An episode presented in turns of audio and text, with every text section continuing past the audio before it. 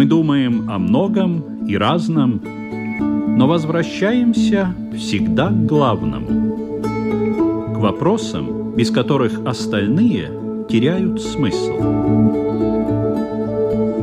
Беседы о главном на Латвийском радио 4.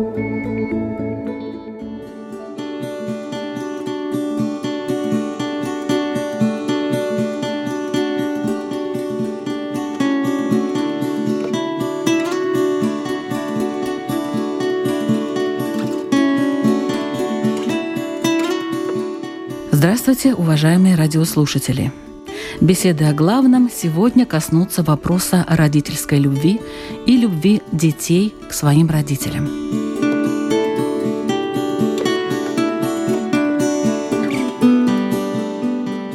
Разговор пойдет о преданности и уважении, благодарности и терпимости, покаянии и молитве. Перед кем мы в долгу?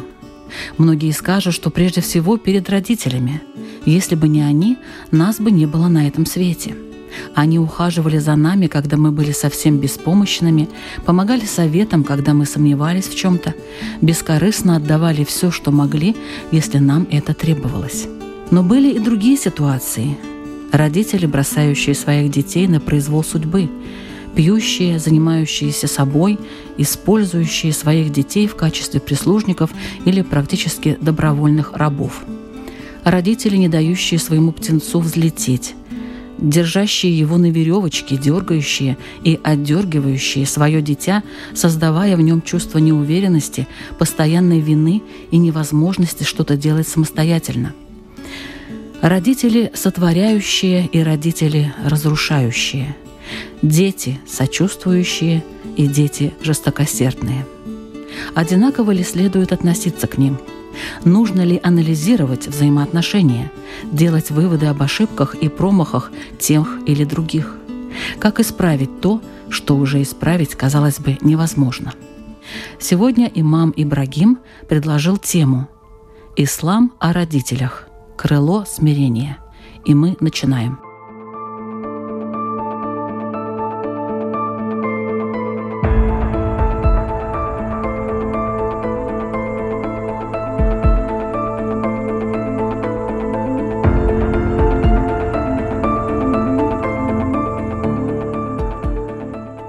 Добрый день, уважаемый имам.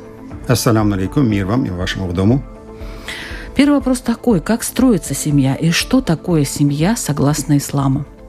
Я хочу начать с такого прекрасного аята из Корана. Бисмиллахир рахманир рахим.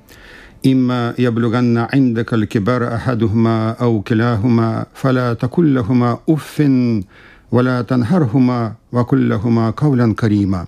А именно, во имя Аллаха Милостивого Милосердного – и если достигнут у тебя старости один из них или оба, имеется в виду родители, то не говори им даже «уф», то есть выражая свое недовольство перед каким-либо их действием. Не говори им даже «уф» и не кричи на них, а говори им слово благородное и преклоняя перед ними крыло смирения из милосердия и говори «Господи, прояви к ним милость, подобно той, с которой они воспитали меня, Господь ваш лучше знает, что у вас в душах, если вы добродеющие.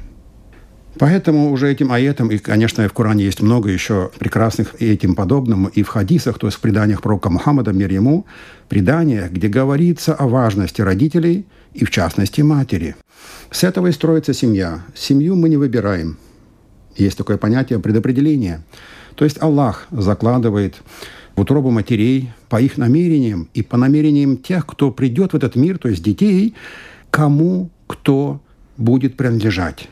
Но даже в этой ситуации, скажем, если ребенок или родители получили какого-то ребенка, непоседу, ну, мягко скажем, или наоборот, ребенок получил родителей, которые над ним будут не совсем правильно заботиться и ухаживать, все равно в этом случае это семья, и у этой семьи по исламу есть обязанности, ответственности, права и так далее.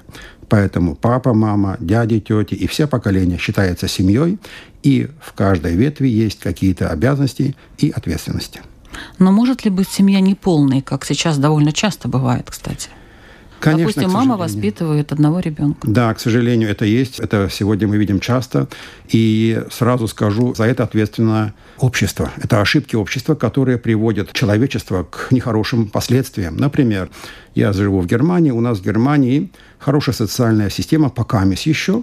И поэтому из-за маленьких капризов женщина говорит – я не буду терпеть какие-то там упреки мужа, за мной будет ухаживать страна, и я развожусь с тобой. Тем самым неосознанно подталкивают к разводу. К сожалению, но это другая сторона медали. Мы поговорим, если вдруг такое есть. В исламе, как и ответственность перед семьей, также ответственность перед соседями. То есть я, как мусульманин, обязан поддерживать связь со всеми вокруг меня соседями заботиться о них. И если вдруг по какой-то причине семья осталась без одного родителя, я обязан им помогать. Или даже если оба родителя по какой-то причине погибли или ушли, или так далее, или бросили ребенка, скажем, самый такой экстренный случай, я обязан заботиться об этих детях как сосед. Настолько права соседей были сильны в исламе, что пророк сказал, я боюсь, что даже Бог прикажет делить наследство с соседями. Было такое выражение. Ну, соседи это кто?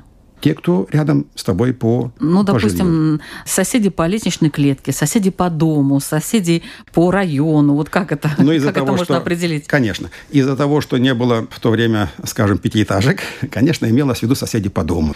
Как и человек связан со всем миром, также, допустим, меня тревожит, например, в Японии землетрясение, мне уже печали. Но там у меня мало воздействия.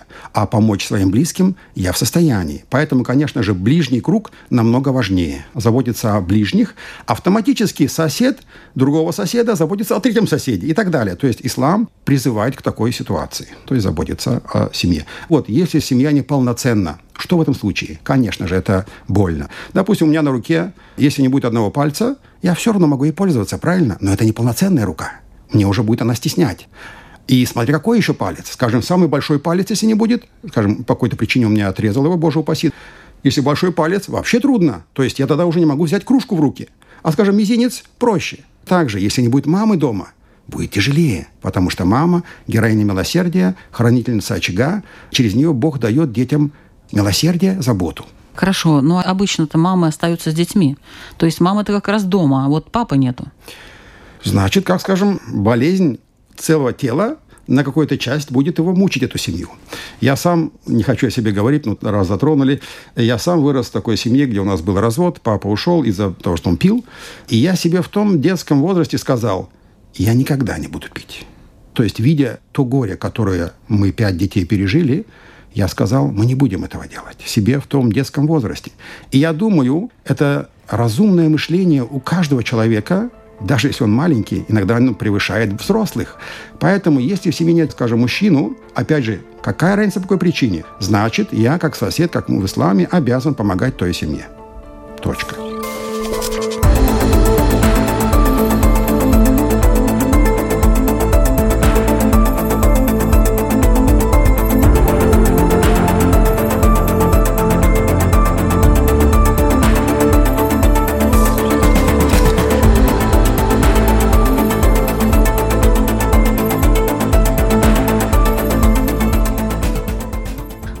Такие родители по отношению к детям? Вот почему их нужно уважать? Опять же. Ребенок не просил, чтобы вы родили. Начнем с этого. Хорошо, хорошо. Конечно же, эта тема очень глубокая, но родители, как я уже вначале сказал и прочитав этот ает, Бог дает родителей и родителям дает детей. Тем самым, казалось бы, я полюбил женщину, поженился и так далее, создали семью. Да нет, конечно. Это все прекрасно. Аллах нам дозволяет какие-то чувства и так далее. Но сама суть семьи для того, чтобы приходили в этот мир новопоклоняющиеся, мягко скажем, новобранцы, которые будут познавать, любить, поклоняться Творцу. И в этой-то работе, в кавычках, конечно, Бог задействует родителей, тем самым накладывает на них обязанности и права. Поэтому-то родители, наделенные со стороны божественной мудрости, детям, те, кто за них заботится. Это и есть родители. Это и есть обязанность родителей, Конечно. да? Главное. Конечно. Или еще какие-то есть? Конечно, есть. И их очень много. Но самая большая обязанность – это быть прекрасным примером. Потому что, например, нельзя рассматривать в организме только одно сердце или только один орган, потому что организм – это цельный организм, и он работает и несет какие-то функции. Точно так же просто семью и в семье рассматривать только папу или маму или ребенка нельзя. Есть общая социальная система жизни в исламе, которая называется исламским обществом, где все органы должны правильно работать, и все члены этого общества должны правильно себя максимально ставить в какую-то позицию. Поэтому только с воспитанием по исламу, по богобоязненности, по любви к Богу, знания о вечности, автоматически родитель будет стараться сам молиться, правильно себя вести, тем самым дети будут ему подражать.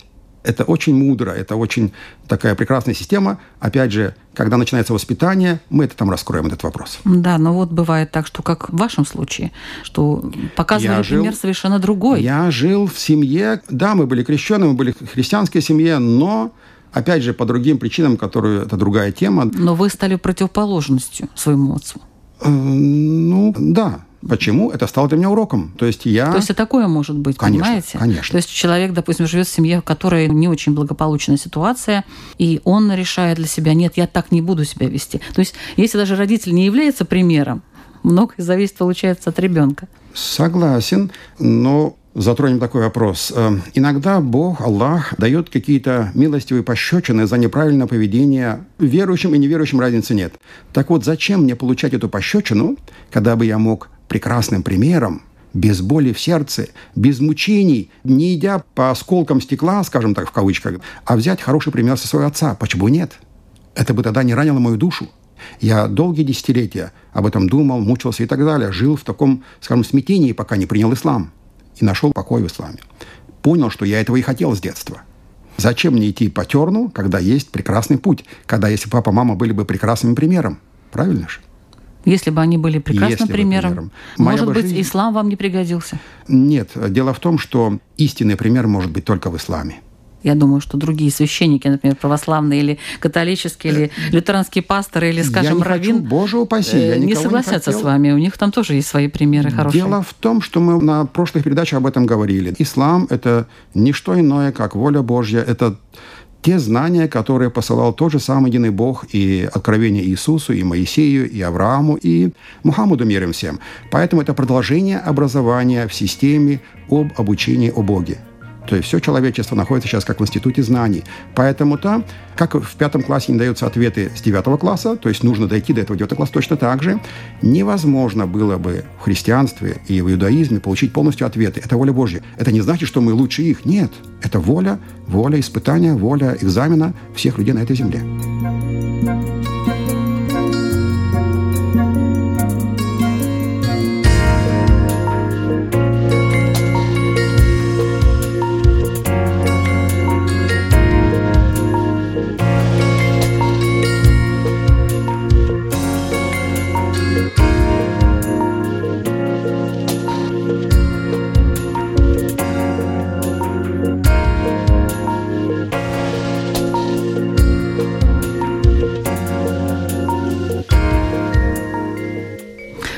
Уважать родителей, если они... Э, вот я все к уважению.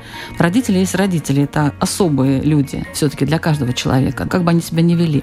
Можно ли уважать родителей, если они вообще плохо себя вели по отношению к детям, обижали, оскорбляли их, не давали необходимого? Или нужно, скажем, вот вырос и забыл, что у меня были такие родители? Есть, конечно. Опять же, к сожалению, эти моменты в жизни общества людей присутствуют. Но поверьте мне, в здоровом исламском обществе это практически невозможно. Вы это не увидите.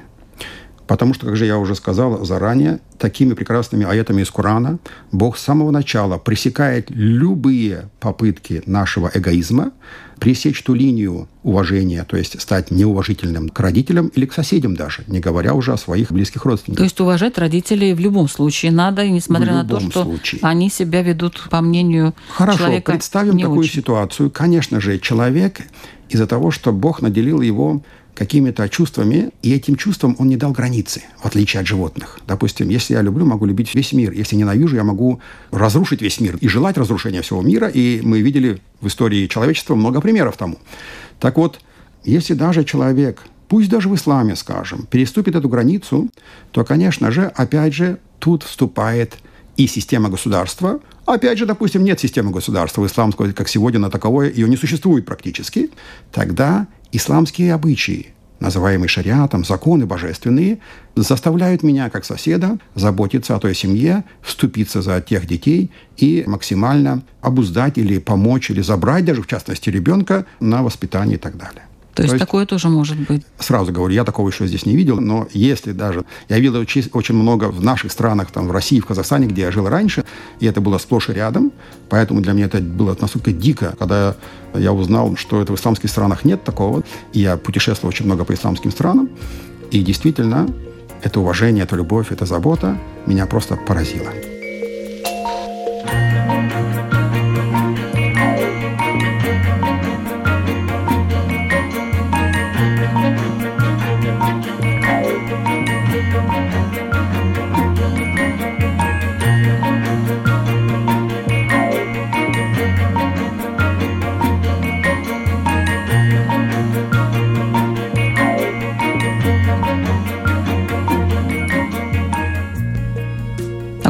Пожаловаться женщина, допустим, у которой есть ребенок, если ее обижают? Если мы говорим про ислам или в общем? Ну, в общем, Мы сейчас ясно. говорим про ислам. Если говорим про ислам, если бы был шариатский закон, конечно же, женщина абсолютно имеет огромные права, даже в частности некоторых больше, чем мужчина. Это зря только каким-то рекламе или там пропаганде медий говорят, что женщина не имеет прав. Это, это не, неправда. Женщина даже может взять или потребовать развод за то, что у мужа воняет изо рта, то есть его зубы не почищены. Представляете? Поэтому, конечно же, женщина имеет полные права и обжаловать это и в суде, и так далее. В исламе это есть. Ну вот представляете, только вот из-за этого раз и неполная семья. Ну, ну ничего не... себе правила. Я просто привел пример. Конечно же, если женщина немножко разумна и уважает и любит своего мужа, вы что думаете, в исламе женится только так вот, как вот по сказкам приказал и взял в жены насильно? Да нет, конечно, это такие же люди. Просто ислам, а слово «теслим» – покорность, они подчиняются приказам Бога. Вот и все. То есть они судят семье не так, как я и ты хочу, а как хочет от нас божественные законы. А они прекрасны. Что ждет ребенка, который неуважительно относится к своим родителям, даже если, по его мнению, они это заслужили?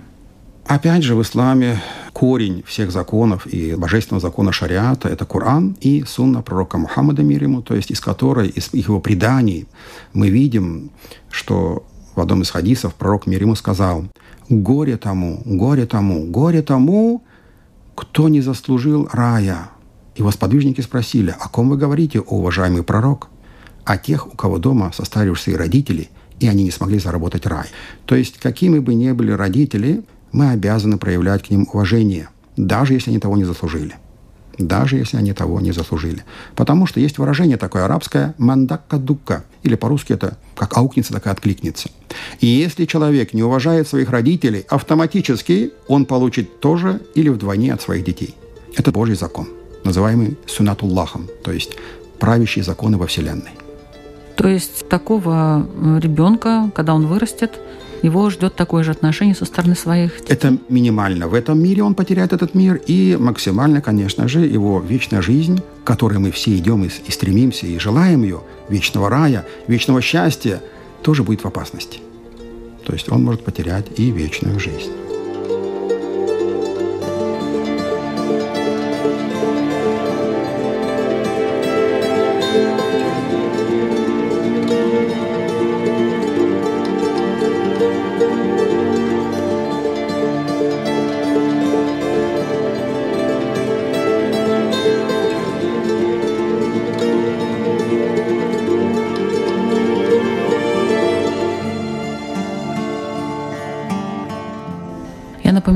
Слушаете программу «Беседы о главном».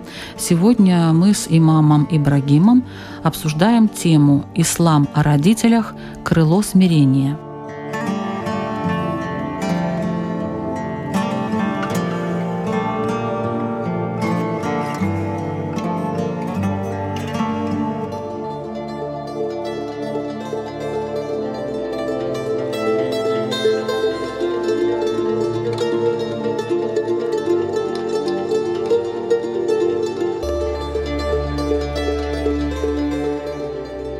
Вопрос такой, а что значит делать добро родителям? Вот как заботиться, как проявлять эту заботу по отношению к ним? Вот они говорят, нам ничего не надо. у нас все есть, спасибо. Спасибо, доченька, спасибо, сынок. Занимайтесь своими детьми, у нас все хорошо. Есть, конечно, такое. Дело в том, что такое есть понятие в исламе фитрат, то есть естество сотворения. Когда мы видим, скажем, мышку, мы понимаем, что она должна, как же по привычке, да, в фильмах, где-то воровать сыр там и бегать. А кошка, ее фитрат, то есть ее естество, гоняться за этой мышкой. Его нельзя испортить. Птичка, ее фитрат, летать и так далее роза, расти, показывать свою красоту и издавать э, какие-то запахи. Точно так же фитрат, то есть естество мамы, заботится о детях. А естество ребенка особенно когда он слабенький, маленький, когда он даже падает, сразу куда он поворачивает голову? К маме. Что она скажет? Протянет ли она ко мне руки помощи? И этот футерат не сломать, его не испортить. Это, опять же, закон божественный, который автоматически заставляет маму заботиться, а ребенка искать той заботы. Поэтому какая бы ни была семья, тут с исламом или христианством ничего нет общего. Это везде. Это общий закон во Вселенной. Даже детеныши, скажем, зверей, или мамы этих зверей, или как там их называют, они заботятся о своих детенышах, жертвуют своей жизни. Даже трусливая курица да, готова броситься на льва, чтобы защитить своего цыпленка определенное времени. Поэтому забота нужна, милость мамы нужна, в ней мы учимся маленькая тень, тени заботы Бога. То есть в заботе папы и мамы к детям есть отношения, которые ребенок, понимая, моя мама завтра умрет, а кто же тот, который обо мне истинно позаботится? И будет заботиться, когда ее не будет. И тем самым найдет Бога. Но вот как делать добро родителям? Максимально ублажать их просьбы, помогать им во всем, хотят они того или нет. Конечно же, это уже оставлено на наше понимание. Допустим, каждый родитель желает спасти своего ребенка. А значит, автоматически он думает, хорошо, а будет ли он со мной в раю? А значит, он должен познавать Бога и поклоняться. Значит, автоматически, как я могу сделать хорошим родителем? Быть набожным. Тем самым автоматически родитель будет доволен. Допустим, я сейчас, у меня сын 25 лет в армии, я переживаю за него. Спасется ли он? Я жду от него заботы, как и я о нем, то есть набожности молитвой. Кроме этого, еще что-то может быть? Как-то помогать им? Несмотря на то, что они бывают и даже не говорят о том, что им нужна какая-то помощь. Смотря о ком родители. Если родители молодые, конечно же, им, может быть, помощи не нужна. Ну, но... Ну, значит, родители молодые. Ну, почему, допустим... Ну, 60 лет. А, нет, это уже возраст от ну, 60. Я если... и говорю, если ребенок, конечно, маленький, это понятно, что он ничем не может помочь своим родителям. Но когда он вырастает, Опять же, тут э, смотря где. В исламских семьях, допустим, человеку 25, у него уже трое детей. Когда ему будет 35, они уже будут по 20 лет. Конечно же, в этот момент этим уже взрослым парням заботиться о маме, папе, как таковое нужно поискать в чем. То есть они сами могут себя обеспечить. А если мы говорим о преклонном возрасте, автоматически человек от 60 лет начинает, это как бы ступенька, где он, понимая свою слабость, и уже его душа молода, он хочет переступить, перепрыгнуть, повеселиться, а тело говорит, извини, ты уже постарел. И оно не, по-немецки, macht nicht mit, also не идет в ногу с твоими желаниями. То есть уже болит спина, уже ноги, коленки трещат и так далее. Поэтому автоматически в этой ситуации ребенок может во многом помочь своим родителям. Абсолютно во всем. Даже если, скажем, родители не мусульмане, ничего страшного. Это они родители, они причины. Как он может помочь? Во всем чистить картошку, готовить еду, отвезти на работу, если не работают, водить их в отпуски, стирать за них одежду. Но Абсолютно. если они говорят, что нам ничего не надо, занимайся своей семьей. Может ли человек спокойно ну, жить дальше и... Просто улыбнуться. Поверьте, родители этого ждут.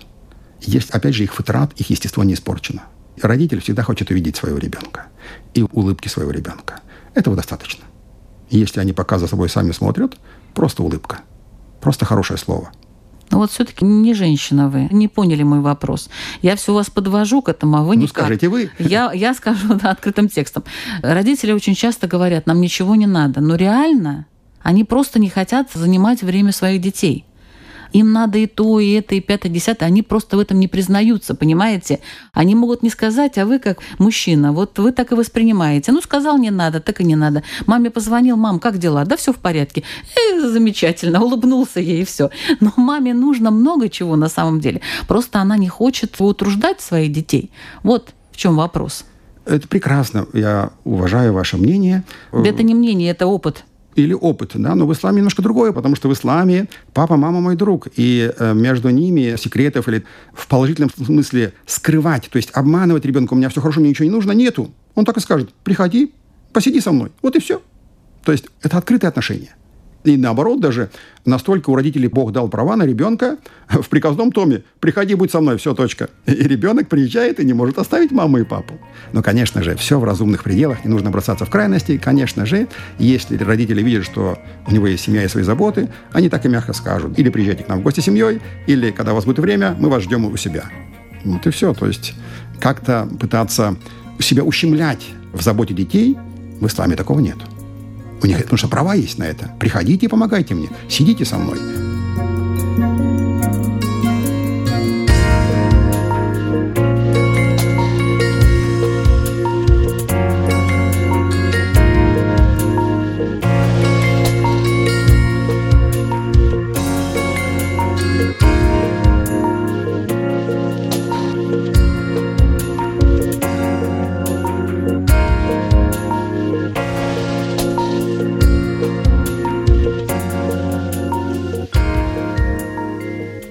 Семье более значимый, кому следует проявлять больше внимания и уважения?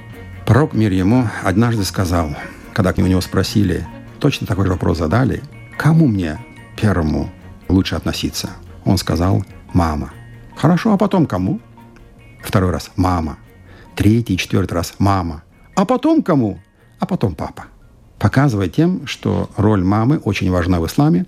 И, конечно же, к маме относиться более, скажем, нежно и заботливо в ислам призывает и подталкивает. Ну что папа не такой раним, как женщина, как мама, и поэтому может сдержаться и стерпеть многие вещи, вплоть до потери ребенка. Мама, допустим, для нее это большая истерика, а для отца он может это пережить спокойнее. Мудрость это в том, что отец более дальновидный. Даже вот в исламских странах я заметил, они называют, скажем, когда спрашивают, как твои дети, они подразумевают и твою жену. То есть женщина у них считается как ребенок. Как твои детишки там? Они нормально все. То есть он имел в виду и жену, как жена и дети у тебя. Потому что Бог наделил женщин таким характером, как у ребенка. То есть он не спустил понимание женщины и, скажем, ее чувства до детских, чтобы она могла общаться на этом уровне с детьми. Представь, теперь папа придет, ну, я могу там, ну, пять минут пошушукаться с ребенком, и все, а потом у меня опять автоматически появляются мужские качества и чувства. Сядь, встань, прыгни, и все. Я не могу так долго. А мама может. Потому что Бог ее наделил этим. Поэтому они на уровне ребенка. И как ребенок очень чувствителен к любым событиям, так и мама очень ранима и чувствительна. Не как отцы. Но есть такое понятие, как сила молитвы. Молитвы матери. Прекрасно. В исламе молитва отца к счастью, действенней. Молитва отца за своих детей, как будто молитва пророка за свое общество.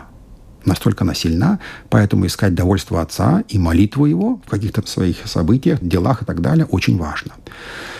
Из-за того, что женщина, как мы уже сказали ранее, ранима, и она находится на положении, скажем, ребенка, ее проклятие не принимается. Бывает же часто мама, а тебя там, пусть поезд переедет там и так далее.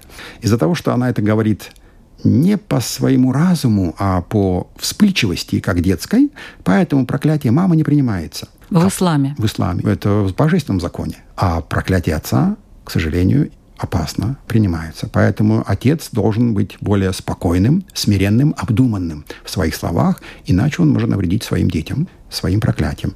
Поэтому, скажем, уважение к отцу и быть с ним степеннее, ребенок должен, это понимая, тоже действовать.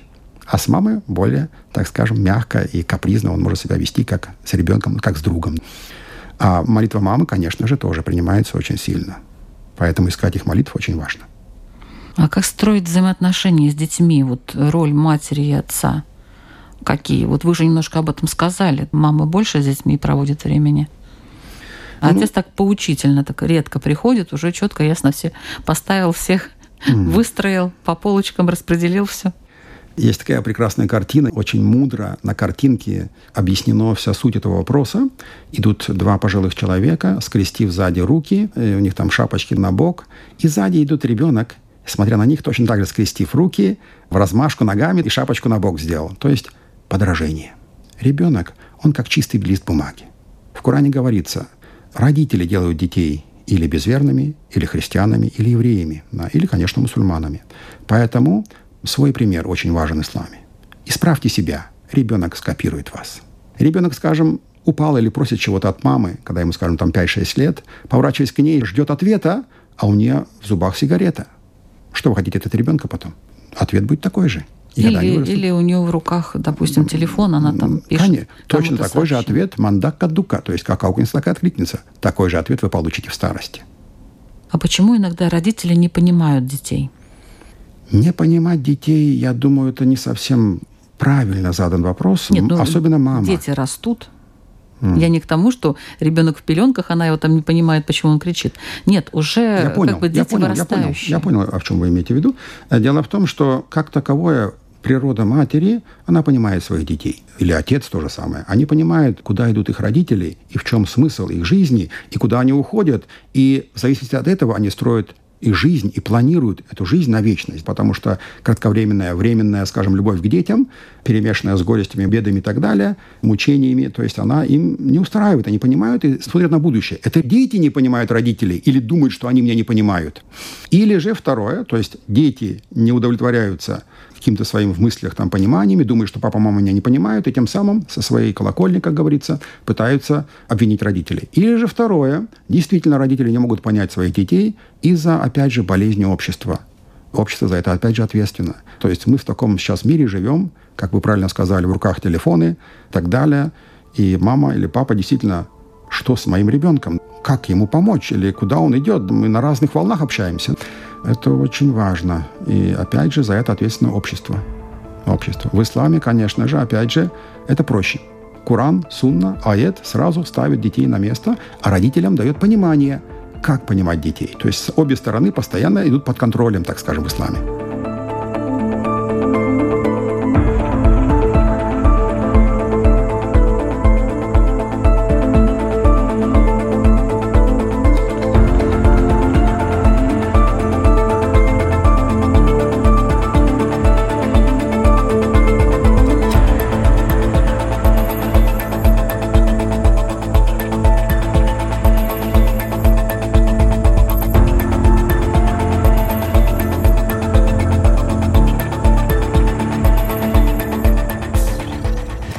Если родители другой веры, нужно ли к ним относиться так, как написано в Коране?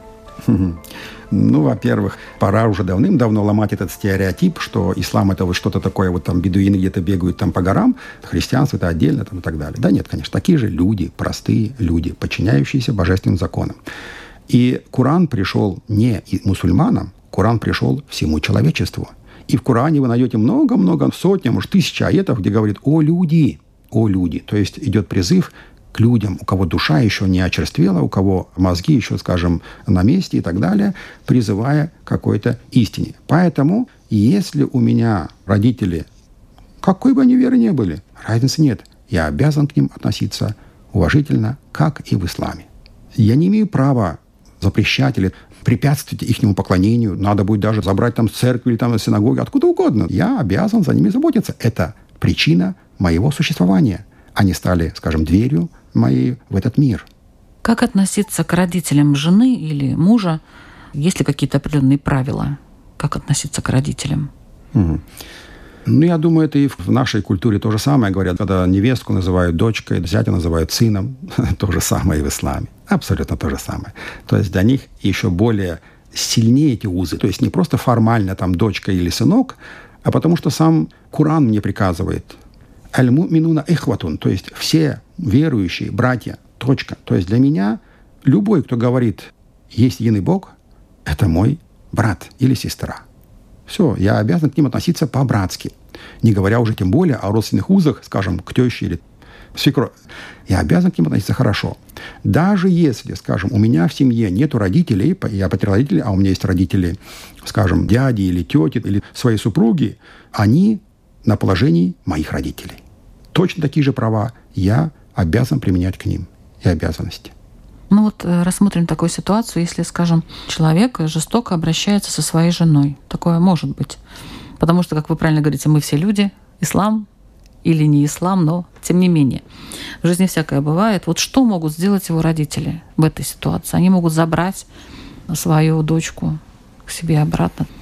Конкретно это нужно смотреть по ситуации. Общего шаблона нет. Единственное, есть какие-то правила, которые нас подталкивают к довольству Божьему, то есть к довольству Аллаха, а именно Аллах призывает в Коране «мирите поссорившихся». Мирите.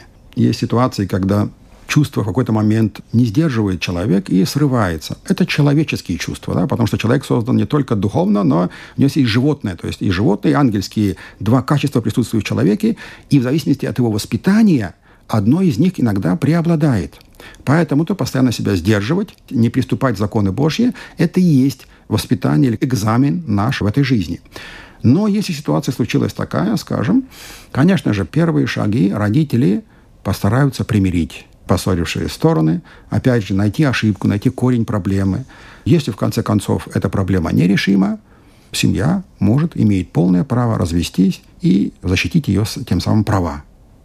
Но из-за ситуации. Если представьте в семье, скажем, пятеро детей, куда, как, что, то есть каждая ситуация по-разному – мы постоянно говорим о том, что дети должны заботиться о своих родителях, уважать их и так далее. А вот такой вопрос. Должны ли родители помогать своим взрослым детям? Если да, то в каком случае и до какого возраста? Сейчас это актуально, несмотря ни на что. Да. Ну, я думаю, это вопрос, опять же, мы говорим практически часто об одном и том же, до смерти. До смерти. Родители своим детям помогать? Конечно, конечно. А вы не будете помогать своим Каким детям? Каким образом? Нет, ну я хочу узнать, как в исламе. Я-то буду, конечно. Вот видите, в вас говорит сейчас ваш фитрат, ваше естество. Смотрите. Опять же, извиняюсь, я много раз приводил пример, но он очень прекрасен, мне он нравится. Скажем, мы видим заботу в животном мире. Опять же, та же курица за своим цыпленком. Извиняюсь за выражение. Цыпленок да? вырастает. И? Курица перестает заботиться. Вот именно. Правильно. Почему? Потому что... Она не человек. Она не человек, она животное. А почему оно перестает заботиться? Потому что цыпленок достиг той ситуации, когда он может сам о себе заботиться и не нуждается больше в опеке. Но чем люди хуже? Да потому что человек постоянно слабое создание. И эта слабость его подталкивает к молитве и к исканию Бога и так далее. Из-за этой слабости именно Бог оставил в сердцах матерей заботу до их смерти хоть там сыну уже 80, а маме 90, она все равно, ой, сыночек, ой, ты голодненький или холодненький ли. Почему? Потому что в этом человеке есть слабость. И эта слабость подталкивает маму заботиться о нем постоянно. У животных эта слабость проходит. И они способны сами за себя постоять. Человек же слабый. Поверьте мне. Нуждающийся, беспомощный. И всегда он ждет ту заботу мамы, когда ему на душе тяжело и так далее. Или когда ему даже просто совет какой-то нужен, ласка нужна. Это отражение, это тень тени любви Бога через матерей, проявляющихся к детям. И человек ее ищет. А бывает так, что мать привязывает к себе ребенка таким образом, своей заботой бесконечной, и вообще оставляет его без личной жизни, без возможности принимать самостоятельное решение и других вещей. Ну ладно. Нет, ну всякие ситуации бывают в жизни. Забота, она разная, понимаете, я к тому. Смотрите, мы сидим на экзамене в школе, в классе, и учитель нам целый год преподавал какие-то там уравнения и написал вопрос с этими уравнениями. Теперь уже на мне лежит обязанность и ответственность, как я выучил урок, подставляя те уравнения, решать ту задачу и сдать экзамен на пятерку. То есть оставьте эту свободу выбора родителям и детям. В этом и заключается экзамен в этом мире. То есть, конечно же, а если мама сделает там, перегнет палку, а если она его слишком будет любить, а если она его слишком будет ненавидеть, в этом и заключается экзамен. Есть рамки, рамки ислама, божественного закона, шариата, который мне говорит, какие рамки, где планки, где граница, как их не переступать.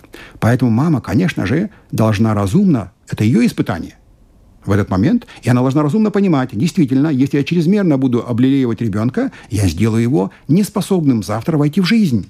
Тем самым она должна дать право ему, скажем, в какой-то ситуации самому принять решение из каких-то пор. Например, в исламе есть такое прекрасное понятие, когда начинается воспитание детей. Воспитание детей начинается еще, даже, извиняюсь, до зачатия ребенка. До трех лет мама с папой могут ему что-то дать. После трех лет это уже исправление. Поэтому в исламе до 7 лет ребенок как ангел. Он падишах, то есть его любой каприз исполняется. После 7 лет до 13-14 лет он на уровне слуги на побегушках. То есть он должен понять, что есть приказания, есть старшие и так далее. После 14, после 15 лет он как друг. В исламе идет вот такая система обширная. Есть, конечно, исключения из правил, но общая картина вот такая. До 7 лет он падишах, то есть любой каприз. С 7 лет до 15, скажем, до 14 он как слуга, то есть выполняет, не слуга, не значит там его, извиняюсь, там, там издеваться. Нет, выполняет приказания. Принеси то, сходи туда, сделай то. А после 14-15 он друг. Вы уже не имеете права приказывать, а просто просить, говорить, советоваться и так далее. Это система ислама, такая общая. Ну да, и о друге можно заботиться, но эта забота не переходит какую-то границу, как я понимаю, конечно, да, все-таки. Конечно.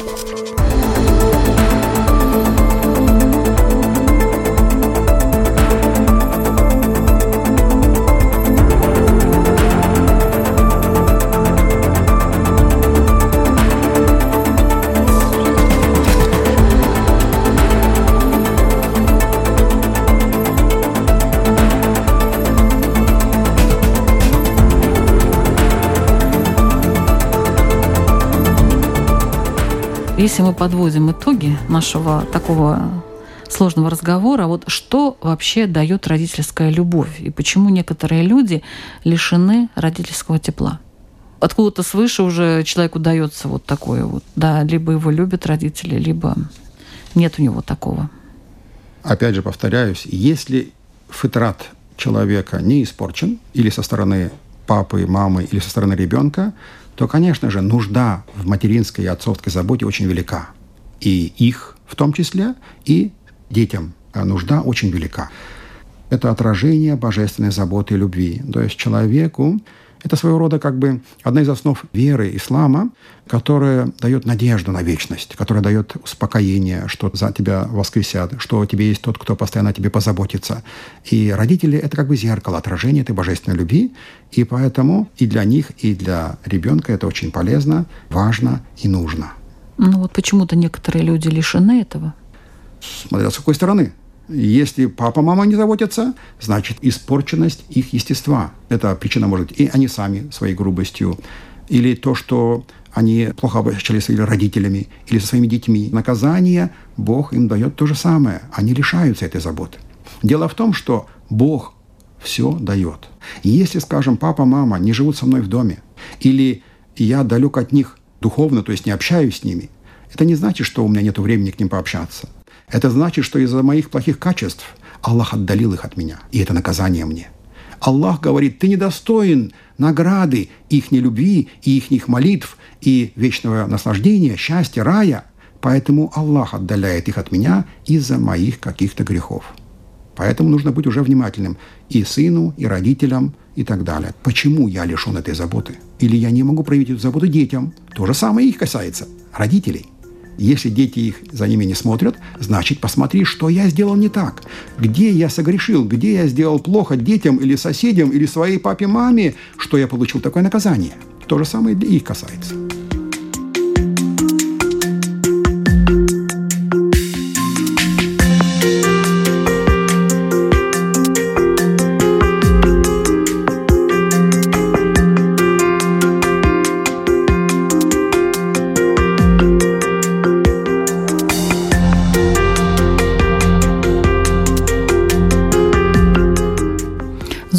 Заключение ваш вопрос радиослушателям на тему «Ислам о родителях. Крыло смирения».